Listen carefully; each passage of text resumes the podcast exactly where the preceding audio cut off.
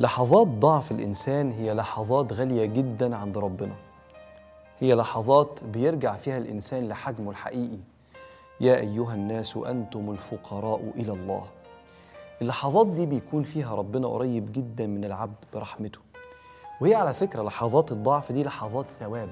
يعني يؤجر العبد على ضعفه أمام ربنا سبحانه وتعالى. ومن لحظات الضعف دي لحظات البكاء. لحظة انفعال المشاعر والقلب حتى لا يملك الإنسان نفسه فتفيض عينيه بالدموع. سواء كانت دموع الفرحة أو الحزن أو من خشية الله أو دموع شوق إلى الله. كان محمد بن المنكدر شيخ الإمام مالك إذا بكى مسح وجهه ولحيته بالدموع وكان يقول بلغنا أن النار لا تأكل موضعا مسته الدموع. وفي لفتة رحيمة من سيدنا رسول الله عليه الصلاة والسلام لما بكى يوم وفاة ابنه إبراهيم رفعه ليه كده قبله وشمه ثم بكى. فقال عبادة ابن الصامت صحابي كان واقف جنب النبي ما هذا يا رسول الله؟ كأنه عايز يفهم نوع الدموع دي. فقال إنها رحمة. وإنما يرحم الله من عباده الرحماء.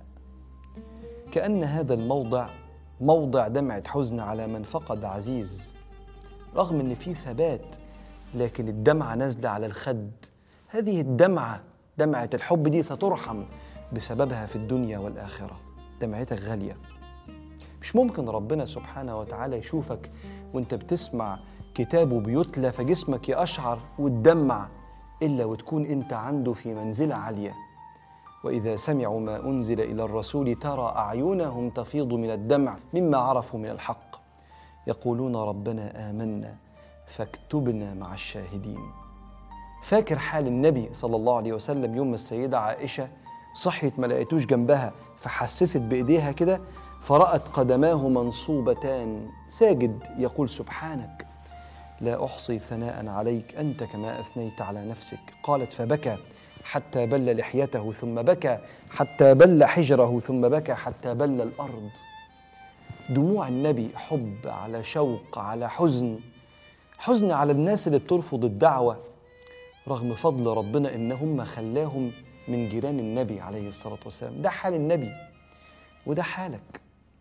حالك يوم ما تنزل لك دموع الفرحة وأنت بتشكر ربنا وبتحمده على نعمة القلب من إدراكه لفرحة ربنا لم يتمالك فبكت العين وربنا مطلع على قلبك الفرحان الحامد فهو يعلم السر وأخفى.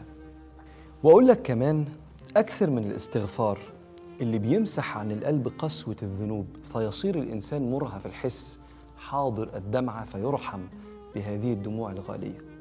وحاجة كمان ثالثه أكثر من الدعاء بأن ترزق عينا باكية من خشية الله. كان الصالحين زمان يستعيذون من عين لا تدمع. دمعتك غالية سواء كانت دمعة حزن أو دمعة فرحة أو دمعة شوق إلى الله سبحانه وتعالى. اطمن مشاعرك الله عليم بيها ودمعتك غالية. فاللهم يا رب. أبكي عيوننا من خشيتك. ورقق قلوبنا لحبك. وعلمنا علما نافعا. وحسن أخلاقنا مع الناس.